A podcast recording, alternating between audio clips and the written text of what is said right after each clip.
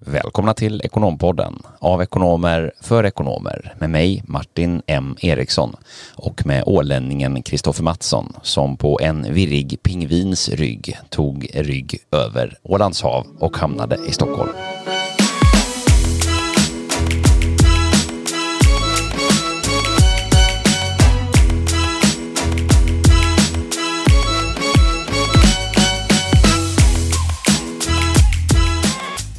Kärt återseende eller kär återlyssning och välkommen tillbaka till studion Martin. Ja, men stort tack Kristoffer. Jag har eh, kollat naturfilm, därav pingvin-introt av dig här idag. Mm, det, jag tänker på så National Geographic som man såg djurfilmer på eh, MTV kanske det gick förut. Mm, exakt. Det finns på eh, Discovery, Ja, Discovery, SVT, ja. Animal Planet, Netflix har lite grann. Så att eh, det kan vara kul, eh, kul spaning. Ska du skaffa ett husdjur också? Ja, precis. Jag funderar på sjölejon eller eh, delfin. Vore ju härligt. Ja, det låter halv opraktiskt att ha hemma. Ja, verkligen. Nej, men det var ju så här, jag, jag minns väldigt väl, jag ville ju väldigt gärna som barn att vi skulle ha en egen hund och kunde överhuvudtaget inte förstå varför man inte kunde skaffa husdjur. Och nu i vuxen ålder så eh, tänker man ju ganska annorlunda kring den frågan. Eh, det krävs ju lite kanske förutsättningar på plats som man ska både ha och gilla eh, att anpassa sig till eh, för att det ska funka praktiskt. Så att nej, inga husdjur faktiskt. Jag nöjer mig med eventuella dammråttor som samlas mellan hörnen om man, om man ligger lite efter med städningen. Härligt. Du, har du lyssnat på förra veckan tänkte jag säga, men för två veckor sedan avsnittet som släpptes med, med Micke när du inte var med? Det är klart jag har gjort det. Fantastiskt avsnitt. Det var ju synd att inte få vara med i studion. Verkligen, jag tänkte att passa på då en liten shout-out till lyssnare som inte har lyssnat på det så finns det tillgängligt. Jättespännande. Eh, trender inom bank och finans och försäkring. Mm. Mycket spännande intervju och eh, fler sådana kommer ju här nu framöver. Vi har ju ett rasande tempo med intervjuavsnitten, vilket är eh, jätteskoj. Hur eh, leker livet för dig då? Du eh, är ju eh, snart över med din nomadtid här efter den här långa och utdragna renoveringen. Det här måste vara den längsta renovering någonsin för en etta. Ja, det har varit psykologisk terror. Jag kunde nog aldrig föreställa mig att det skulle vara så oerhört krävande psykiskt att, att eh, renovera och jag har ju då försökt projektleda det här med massa olika underleverantörer och, och själv har jag ju liksom ja, jag kan knappt spika upp en, en tavla liksom. Så det har varit väldigt, väldigt eh, utmattande, men nu efter kanske 125 dagars soffsurfande, mer eller mindre, så sov jag min första natt i lägenheten här i helgen som, som var. Så det känns fantastiskt, eh, då de, majoriteten av allting, med alla detaljer och sådär, börjar komma på sin plats. Det är lite ja, beslag eh, sådär som ska på köksinredningen, men, men annars så är det så gott som klart, så det känns riktigt, riktigt bra. Härligt att höra. Äh, men det är ju, måste vara en skön känsla för dig när du väl får etablera dig och komma in. Ja, det är ju det. Eh, det är lite byggare som springer där fortfarande och dammar ner, men, men snart ska vi få dammsuga och tvätta golven och så är vi klara för det. Och vänder blad. Och Härligt. nästa gång kan jag säga att det blir, om jag någon gång renoverar igen, då blir det en total entreprenad. Grattis till insikter. Ja, så är det. Men eh, vad har du grejer med då? Du har varit i Göteborg en vända. Det stämmer, varit i Göteborg, eh, varit i coronakarantän här, eh, men är nu tillbaks i studion och tillbaks med dig eh, som vanligt. Man får ju minst sagt säga fördelarna med, med att kunna jobba distans. Det är ju eh, en stor fördel eh, och det inser man ju inte minst när man av olika praktiska omständigheter kanske tvingas att göra det. Så att eh, det får vi ju ändå någonstans tacka pandemin för. Ja, precis. Jag har en god vän här nu som har köpt lägenhet också i Marbella, likt din kompis. Du var ju också där eh, tidigare i höstas och eh, ja, men då fick jag frågan om jag ville åka ner och köra någon vecka där, eller någon vecka, men en vecka och en lång helg och jobba därifrån. Så jag tänkte att jag skulle passa på att göra det här i april kanske. Mm. Se om jag lyckas boka någon resa. Alltså det, det har ju verkligen sina fördelar. Eh, det här giggandet, eller giggandet säger jag, men digitaliseringen och automa- automatiseringen. Man slipper vara fysiskt på ett och samma ställe. Giggandet har ju också sina fördelar och eh, apropå det så kan vi ju hoppa in på dagens första lyssnarfråga. Ja, precis, för det här är eh, ju ett frågeavsnitt och det var därifrån jag fick inspiration från giggandet, för den första frågan kommer ju alltså handla om diggi-diggi-dong. Giggeli-gig. Giggly gig ja. Giggiloo. Exakt, exakt. Uh, ja, och Martin, du kan väl läsa upp frågan uh, ja, som den har kommit in. Då. Vi, har, vi, vi har ju fått in en del frågor egentligen på löpande band och vi kan ju inte adressera alla, men ibland så försöker vi göra lite uh, nedtramp, avstamp och, och summera de som vi tycker är mest relevanta och en del av de saker som vi får in och besvarar vi så att säga, ja, inte i det här forumet då, men, men så försöker vi samla upp med lite frågor. Precis, det betyder att vi givetvis besvarar alla lyssnarfrågor så vi inte skapar förvirring. Så mejlar man en fråga till Ekonompodden så får man svar på den frågan. Exakt, det var det jag försökte formulera mig, men det blev lite, lite otydligt. Ja, men, eh, och det är en stor inspiration också, både till intervjuavsnitt och till eh, ämnesavsnitt och fördjupningsavsnitt som vi ju får från alla er lyssnare. Så att eh, fortsätt med det och stort tack för det verkligen. Och framförallt, och där också om du sitter och lyssnar på det här eller står och lyssnar på det här eller är ute och springer och lyssnar på det här så eh, ta dig en funderare om du har någonting jätteintressant och relevant och, och som du skulle vilja bidra med i det här formatet eller om du känner någon riktigt smart och inspirerande person som du tror skulle vilja ha någonting eh, och bidra med i poddformatet så, så får ni gärna skicka in det. Eh, vi håller på att lägga schemat här för året och mm, bokar upp spännande gäster och fördjupningsavsnitt så Passa på. Verkligen. Dagens första fråga eh, är från Lisa eh, och hon skriver så här. Hej Kristoffer och Martin. Först och främst tack för en fantastisk podd. Jag jobbar som redovisningsekonom inom retail och har tidigare varit på ett större e-handelsföretag och jobbat med redovisning. Jag trivs och tycker det är kul men vill utvecklas vidare och är väldigt nyfiken på att prova på att jobba som konsult. Vad ska jag tänka på och hur kommer jag bäst igång? undrar Lisa. Stort tack för den frågan. Vi ska försöka i korthet och, och eh, summera några bra tips och, och tricks vad man kan tänka på. Vi skulle även vilja eh, hänvisa till avsnittet om gigekonomi. Jag tror det var det andra avsnittet vi släppte då vi pratade om den globala megatrenden att vara konsult och möjligheter, utmaningar från olika perspektiv, lite vad man kan tänka på kring anställningsform och vara anställd i ett eh, eget bolag eller via eh, de här frilansekonomi eh, eller då via ett stort konsultbolag. Eh, så det, det, det rekommenderar vi först och främst. Så kan vi väl lite korthet summera också här och nu. Ja men precis. Um, lite fakta om de här vägvalen då så är det ju väl precis som du adresserar här. Första eh, alternativet man ska kanske ta ställning till, ska jag vara en helt egen konsult?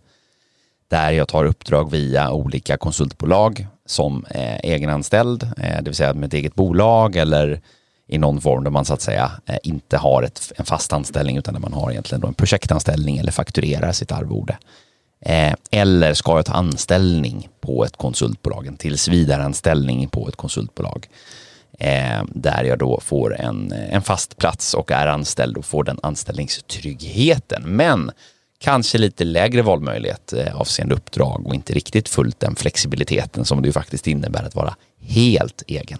För det är ju en skillnad eh, om man är interimskonsult, att vara anställd på ett konsultbolag eller att vara en helt egen konsult. Vilka är de främsta skillnaderna du tänker på? Ja, du har ju, eh, du har ju ett bolag i ryggen med kanske etablerade kunder som du kan liksom få hoppa ut på uppdrag till. Du behöver ju kanske inte i samma utsträckning tänka på, du måste tänka på ditt brand och ditt varumärke men du behöver ju kanske inte vara lika inställande för att ofta så får du ett uppdrag tillfråga till dig om du är intresserad av att hoppa på. Så att du har ju den tryggheten och du har ju ofta en fast anställning hos den arbetsgivaren och även om de kanske inte har ett uppdrag till dig just där och då Nej men precis. Och eh, tryggheten också med att du eh, eh, med att du har eh, ja, men en, en kompetensutveckling och, och, kanske har andra kollegor på plats på, på, på ditt konsultbolag som du ändå är ett team med och så vidare. Så det finns ju, finns ju givetvis fördelar där. Exakt, det är ju en ganska smidig eh, hybrid nästan skulle man kunna säga, där man får testa på konsultandet men du har ändå tryggheten eh, där. Ett bra första steg om man är lite nyfiken att testa på. Och där har vi både branschkollegor samt kunder som ju erbjuder den här typen av arbetsgivare och är man nyfiken på det spåret så är man jättevälkommen att slänga iväg ett mejl till oss så ska vi kunna guida er vidare. Nackdelen då, den vägen och kanske fördelen som den helt fria vägen erbjuder är ju då möjligheten att eh, ju vara helt egen. Och det ger ju ett antal eh, fantastiska eh, öppningar. Dels att ju helt självständigt kunna tacka ja och tacka nej till uppdrag. Då är man ju inte överhuvudtaget bunden till eller har något commitment till någon när man ska gå in i ett nytt uppdrag utan är faktiskt helt fri att välja. Eh, omfattning, typ av uppdrag, eh, kunna förhandla arvodesnivåer och annat. Eh, det skapar ju en del möjligheter med att kunna kanske planera lite grann också om man vill. Ibland ta lite längre ledigheter mellan uppdrag, kanske ha lite mer utrymme att vara ledig och inte, eh, inte så att säga vara eh, fullt uppdrag hela tiden och bara ha sina semesterveckor att ta hänsyn till. Ja, den också en viktig del är ju naturligtvis att du har ju inga overheadkostnader på samma sätt som eh, din kanske arbetsgivare har om du anställs anställd som konsult eller blir uthyrd som konsult. Att här, det du fakturerar eh, minus då dina kostnader i ditt eget bolag blir ju det faktum ditt täckningsbidrag som du själv får ta del av. Så annars kan du ofta ha att ja, man kan ju känna ibland man vet vad, jag vet vad ni fakturerar för mig, men vad får jag faktiskt i lön? Mm. Och då får man ju en hel del bra saker såklart. Om man, är man anställd så har man ju allting runt omkring med det också och, och sådär. Men är man då helt egen så, så öppnar det ju upp ett antal möjligheter. Men också ett ansvar med det att, att, eh, att givetvis eh, kunna planera även rent ekonomiskt i bolaget. Så är det. Sen eh, Lisa ska du naturligtvis registrera dig på vår hemsida talentspeeden.se, din konsultprofil som det så vackert heter. Vi har skickat en länk till dig. Eh, och naturligtvis dejta olika konsultbolag för det handlar ju om att bygga ditt nätverk av duktiga konsultförmedlare som också kan hjälpa dig då, till exempel om du blir egen, eh, egen konsult och bestämmer dig för, för att testa i den regin. Och det är väl någonting vi också skulle vilja uppmuntra just att du har ju en ganska stor möjlighet att ja, men, fokusera på vad du är duktig på, på dina kompetenser, på dina intressen. Just det här, man kommer ju lite bort från, du kan ju bygga din egen profil, ditt eget CV, eh, rent krasst.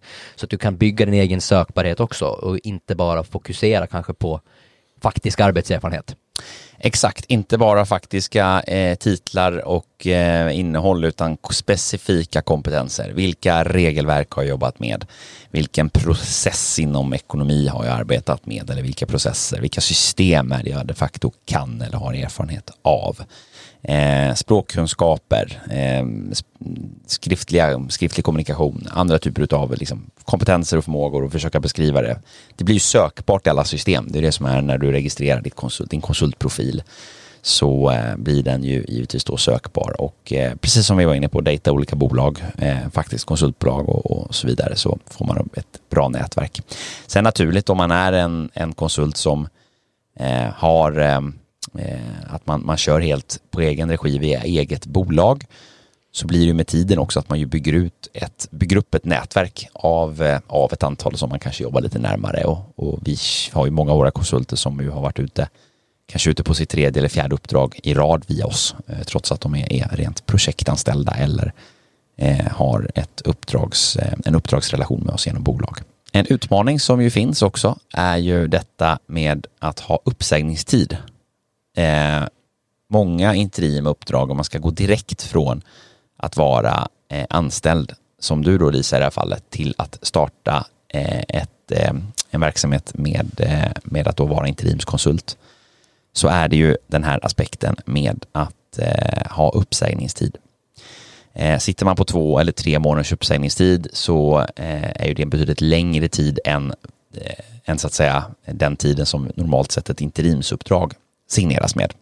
Och då finns det lite bra tips på hur man kan komma runt det på ett smidigt sätt och lite praktiska saker som man kan ha i åtanke.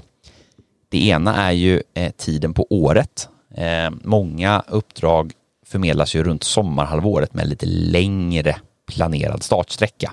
Skriver man på någonting i juni månad så kanske planeringen är att man börjar i augusti. Och där kan ju vara en sån här bra typisk period där man kan aktivera sig för att söka interimsuppdrag. Om man gör sig redo, startklar, har ett antal konsultbolag som man har dejtat med under våren och säger då helt enkelt till dess att jag är redo för, en anställ för ett, uppdrag, ett uppdrag som startar i mitten, slutet på augusti. Eh, då kanske man har lite tur att kunna få eh, ja, drygt två månader till uppdragsstart och då hinner man ju också faktiskt säga upp sig och inte riskera att stå utan uppdrag.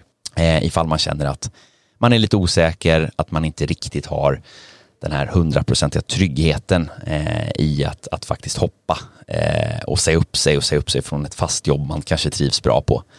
Eh, så kan ju det faktiskt vara en, en bra väg framåt också. Grymt. Eh, har du något mer tips? Mm. Det är ju att eh, gå på linjen att tala med sin arbetsgivare och beskriva situationen eh, och begära då tjänsteledighet.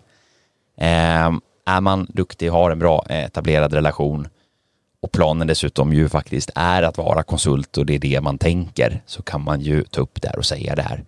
Den dagen du väl i så fall lämnar en arbetsgivare och säger upp dig för att du går in i ett konsultuppdrag så då kommer det ju ändå kanske tänkbart vara att man jobbar med den här chefen eller det här bolaget igen. Man kanske kommer tillbaka till ett interimsuppdrag på samma företag längre fram.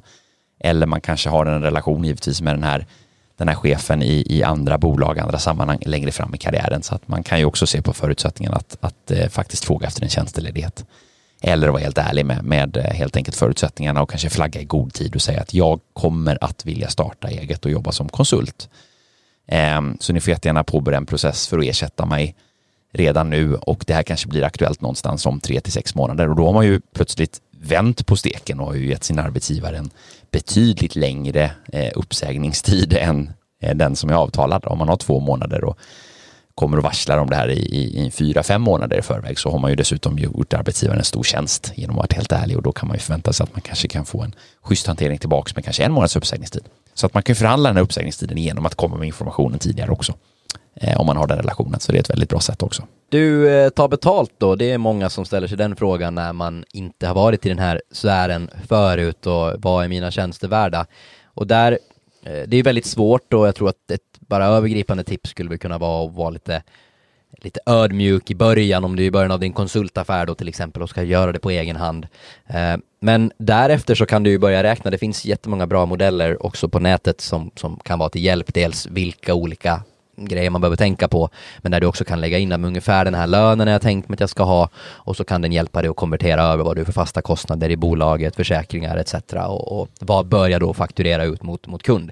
Men det man kan tänka på är väl bara de här vanliga grejerna som man bör nämna är väl att jag menar du har din bruttolön, sen ska du ha sociala avgifter, eh, addera ungefär lite drygt 30 procent och så ska du ha semester, tjänstepension eh, och eh, ja, lite övriga grejer.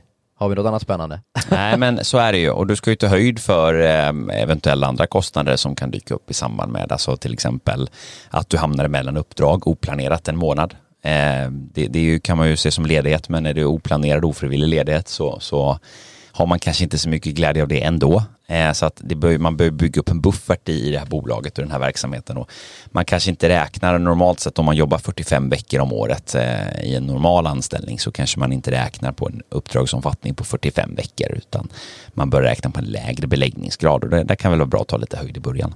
Ja precis och även jag menar, försäkringar om någonting galet skulle hända ute hos, ja, på ditt uppdrag hos arbetsgivaren att du har en ansvarsförsäkring etc.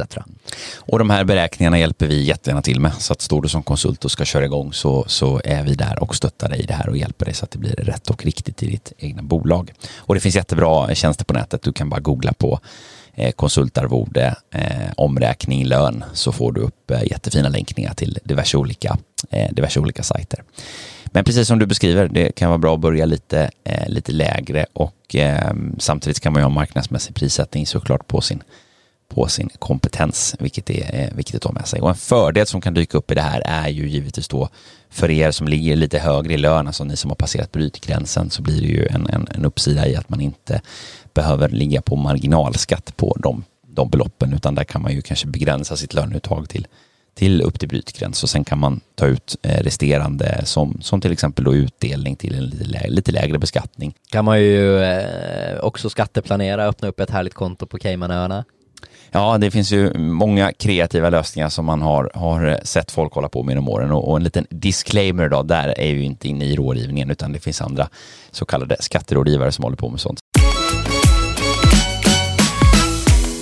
Magiskt, men jag tänker att vi sätter punkt där eh, och som sagt vi, vi går in lite mer kring utmaningar, möjligheter eh, och sådär i vårt andra avsnitt om gigekonomi. Så om man är mer nyfiken på det här med att gigga eller att vara konsult, vare sig du blir egen eller anställd, eh, så finns det mycket inspiration att hämta där och som sagt bara hör av oss eller hör av dig till oss eh, så kan vi försöka besvara de frågor eller funderingar som eventuellt finns utestående.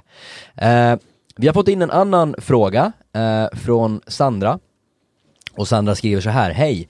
Jag har lyssnat på en del av era avsnitt och de är väldigt intressanta. Mycket bra gjort. Jag undrar om ni har något avsnitt som berör ekonomistyrning ur ett agilt perspektiv. Hur man går bort från det traditionella controllingjobbet där de flesta arbetsuppgifter resulterar i ganska fasta leveranser. Exempelvis targets, budgetar och så vidare. Till att ha en mer adaptiv approach. Om ni inte har något om detta redan skulle det kanske kunna vara något ni skulle vilja kolla in i. Uh, och då tänker jag på dig Martin, vi har ju gjort mycket av den här typen av förflyttningsresor där man har ställt om ekonomifunktioner, ställt om arbetssätt och, och sådär. Det här är ju väldigt på, det är väldigt modernt nu och jobbar mer agilt. Uh, och då tänkte jag att du skulle kunna få beskriva ett av de kundcasen som vi har gjort eller lite vad man kan eh, vad man kan tänka på, kanske ge lite inspiration och, och det här är någonting som också vi kommer att eh, göra ett fördjupningsavsnitt på längre fram och kanske bjuda in någon spännande gäst på. Men vi kan väl Eh, komma in lite kort på, på det i alla fall. Ja, men precis. Väldigt relevant eh, frågeställning här från Sandra, precis som du beskriver. Den är ju den är verkligen på tapeten och lite, vi kan dra lite kort bakgrund också till drivarna till varför det ser ut så här, som väl kan vara ganska intressant att, att ha att göra med och lite de trender vi ser är ju eh, dels det faktiska höga tempot som ju finns i, eh, i dag i näringslivet, att saker och ting förändras så himla snabbt eh, och eh, man som organisation hela tiden behöver liksom ställa om och anpassa sig till, till de förändrade förutsättningarna som ju sker. Eh, vi ser också att komplexiteten ökar, vilket betyder att eh, behovet av, av att jobba fokuserat kanske kring ett specifikt eh, område som man är duktig på Eh, det liksom prioriteras före att, att ha hand om en hel process i ett bolag. Så tittar man på, på en controlling-funktion som jag tänkte strax ska beskriva hur man kan ta den, förflytta den från klassiskt arbetssätt till ett mer processinriktat arbetssätt så, så finns det ju skäl till att just att, eh, att, att, komplexiteten ökar och då behöver man hitta mer, mer specialiserade eh, personer. Eh, och liksom mycket att eh, Tittar vi på till exempel då eh, att jobba mer, mer agilt och, och, inkludera mer personer i grupper och så vidare så är det ju att när det kommer till de fasta leveranserna så, så automatiseras ju faktiskt de bort mer och mer. Alltså det som är fasta leveranser sköts och blir i praktiken mer automatiserat, vilket ju betyder att eh, behovet av, av de personerna runt omkring processerna som understödjer processerna ökar och, och där är ju sällan arbetsuppgifterna eh, repetitiva utan där blir de mycket mer projektbaserade och behovsbaserade. Så det finns ju ett antal liksom stora drivare som driver den här utvecklingen eh, i den här riktningen. Och det är ju precis som, som du själv är inne på här också, eh, lite främmande för många. Eh, många är ju inte riktigt vana, man är framförallt inte fostrad på det sättet. Nej, och allt eh, nytt är skrämmande, inte sant? Ja, det är också en, ett faktum eh, som är, men det är bara att embracea utvecklingen och embracea eh, detta. Men som svar till Sandra här eh, är ju två saker. Det första är att vi eh, definitivt ska fördjupa oss i detta så att vi tackar så jättemycket för, eh, för frågan och för eh, eh tipset på eh, ett avsnitt nischat på detta så det tar vi med oss i planeringen.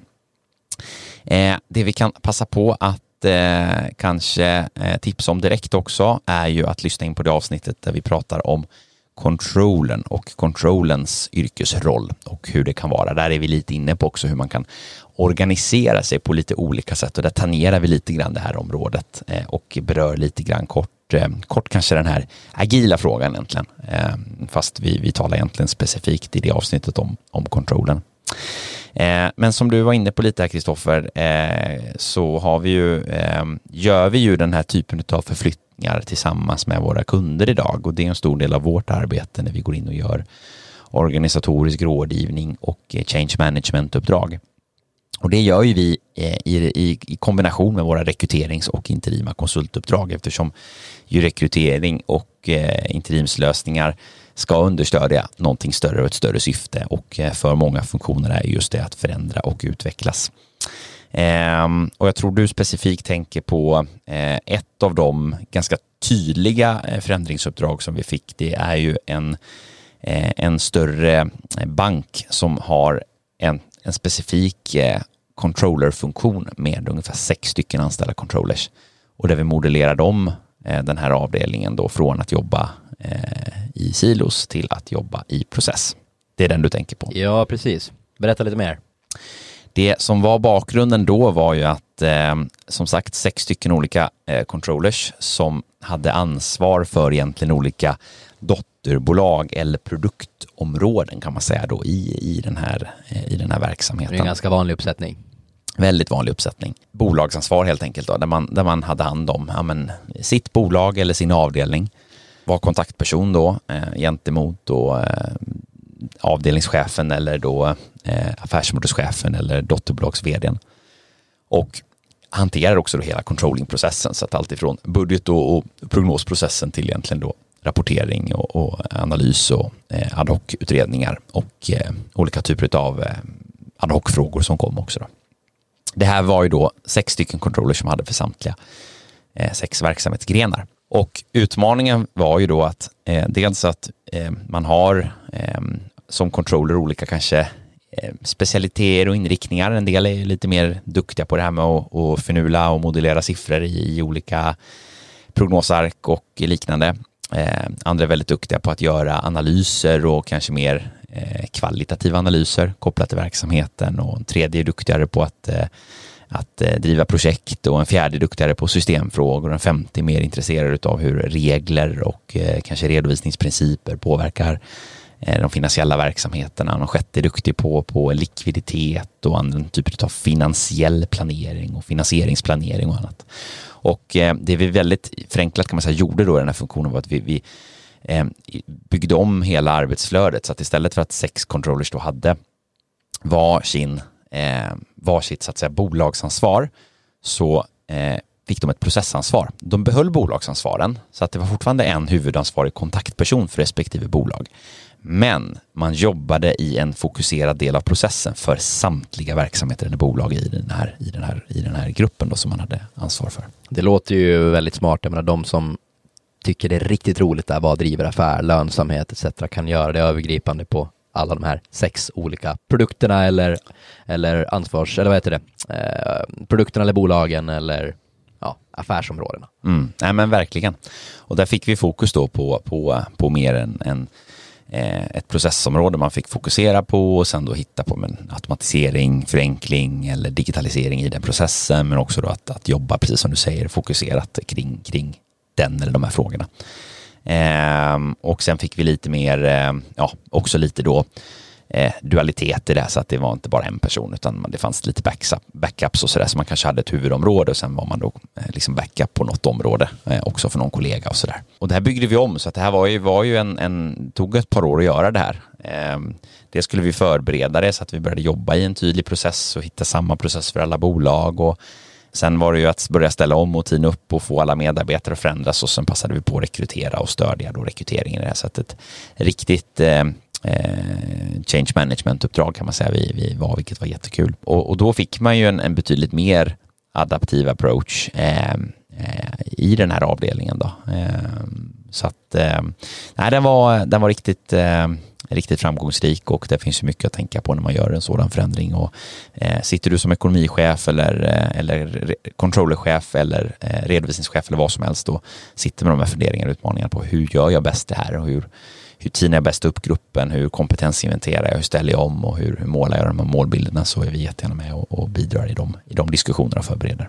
Ja, verkligen, där är ju alla funktioner unika och, och använd oss som ett bra bollplank. Eh, så kan man ju modellera fram det tillsammans. Eh, ni känner ju era medarbetare bäst och vi kan stötta med vår kompetens inom de här frågorna. Mm. Men eh, lyssna in på kontrollavsnittet också. Där har vi ju en hel del ekonomistyrningsfrågor som vi tar upp också. Då har vi kommit fram till dagens eh, tredje och sista lyssnarfråga eh, och det är Oskar som skriver så här. Hej och tack för en väldigt intressant podd. Jag tillträdde nyligen en tjänst som ekonomichef i ett tillväxtbolag som precis befinner sig i en scale-up-fas där man fått in externt kapital och satsar för att växa kraftigt de kommande åren. I min roll ska jag etablera ekonomiska processer och rutiner och bygga struktur för en relevant ekonomisk uppföljning och prognostisering. Jag tog examen för åtta år sedan och kommer närmast från en financial controller-roll i ett dotterbolag i en större koncern och har dessförinnan arbetat på en Big Six-byrå. Det skulle vara väldigt kul att höra er prata dels om att vara ny i ekonomichefsrollen och dels om ekonomifunktionen i bolag i en scale-up eller tillväxtfas. Och eh, det här kommer vi ju bara beröra i all, i all korthet nu, men vi kommer senare att eh, ha ett fördjupningsavsnitt på det här ämnet och då med hög, högst sannolikhet ha en, en CFO som har gjort exakt just det här. Men vi kan väl eh, först börja med att tipsa eh, avsnittet när Anna-Lena Wretman gästade oss eh, som är VD för Fundler idag. Eh, hon beskriver mycket om ledarskapsbiten i den här fasen och, och eh, när det är väldigt högt, högt tempo och hög föränderlighet. Eh, sen skulle vi även vilja slå ett slag för CFO-agendan när vi bjöd in eh, Andreas Hultgren i studion som beskrev hur CFO-agendan kan se ut och hur den skiljer sig åt i olika organisationer och olika faser. Men vi kan väl ge några kanske korta och konkreta eh, tips Martin? Mm, precis, precis. Väldigt relevant frågeställning och eh, jag tänker vi tar några korta, snabba som man kan ha med sig om man sitter i den här situationen. Eh, nummer ett är ju att förstå att utvecklingen kommer att vara väldigt eh, eh hög, alltså takten på utvecklingen kommer att vara väldigt hög. Det är mycket som ska på plats. Och då är ju eh, det enkla svaret att prioritera. Vi måste få på plats först det som är viktigast. Och det grundläggande är ju att se till att, all, eh, att alla legala regler efterföljs och att man har eh, ordning och reda på den externa rapporteringen som, som krävs, myndighetsrapporteringen som krävs, eh, skatter och avgifter betalas givetvis i, i, i, i tid och, eh, och så vidare. Samt att givetvis då ha koll på likviditeten och den resursanvändningen som ju, eh, som ju sker rent, eh, rent likviditetsmässigt. Precis, och i den här fasen är det ofta ganska utmanande för det är ju inte alltid det kanske är, det linjerar varken erfarenhets eller intressemässigt just att men ett scale-up, ett tillväxtcase, har vi finansieringen i skick, eh, var ska man börja? Är det där eller är det snarare rapporteringen och processerna? Och var ligger din erfarenhet och din kompetens och dina intressen. Eh, så, så kanske börja där och sortera ut, ja, men vad, vad vill jag och vad har jag för erfarenhet och kunskap inom båda eller, eller den ena eller andra och se hur man kan komplettera. Precis, och sen är det ju att eh, få på plats eh, när man börjar skala upp och bygga det här givetvis att eh, ett bra tips är att få på plats ett bra nätverk av duktiga personer runt omkring som man kan eh, ringa och rådfråga och eh, få stöd ifrån. Eh, givetvis då. Eh, och lyssna på vårt kommande avsnitt på ämnet där vi ska djupdyka lite mer. Det här är en väldigt stor frågeställning eh, som, som eh, det finns mycket att prata om och beröra på så att det ser vi verkligen fram emot att göra. Men precis som, som Andreas Hultgren också pratade i när vi gick in på CFO-agendan så, så är ju CFO-agendan väldigt bred. Alltså pratar vi om ekonomifunktionen och CFOns ansvar så är det ju många områden som inkluderas i det. Och är man ett scale-up-bolag så, så eh, har man ju någon form av så att säga primärt behov, alltså om, om det är till exempel då eh, är en verksamhet med extremt eh, komplex eh, marknad och prissättning, ja, men då kanske det är prissättningsmodeller och lönsamhetsanalyser i realtid som man behöver fokusera på att automatisera och få på plats. Eh, är det en annan typ av funktion eh, som, som är betydligt eh, som präglas av något helt annat så är det något helt annat som behöver fås på plats. Så att där måste man liksom utgå ifrån någonstans bolagets, bolagets behov och, och, och prioritera det bit för bit. Mm, bra summerat tycker jag. Eh, och jag tänker vi lämnar det där för nu. Men eh, stort tack för frågan. Vi ser fram emot att djupdyka betydligt mer på denna, Oskar. Verkligen, håll till godo. Bra! Vi eh, tackar eh, våra kära lyssnare för eh, lyssnarfrågorna. Eh, fortsätt att skriva till oss. Ni når oss på Instagram, eh, på mail, på LinkedIn, eh, alla dess olika kanaler och former så ser vi fram emot att, att svara på era frågor och få fortsatt bra inspiration till kommande avsnitt också. Men stort tack Lisa och Sandra och Oskar för dagens frågor och alla andra lyssnare som vi har svarat via mail.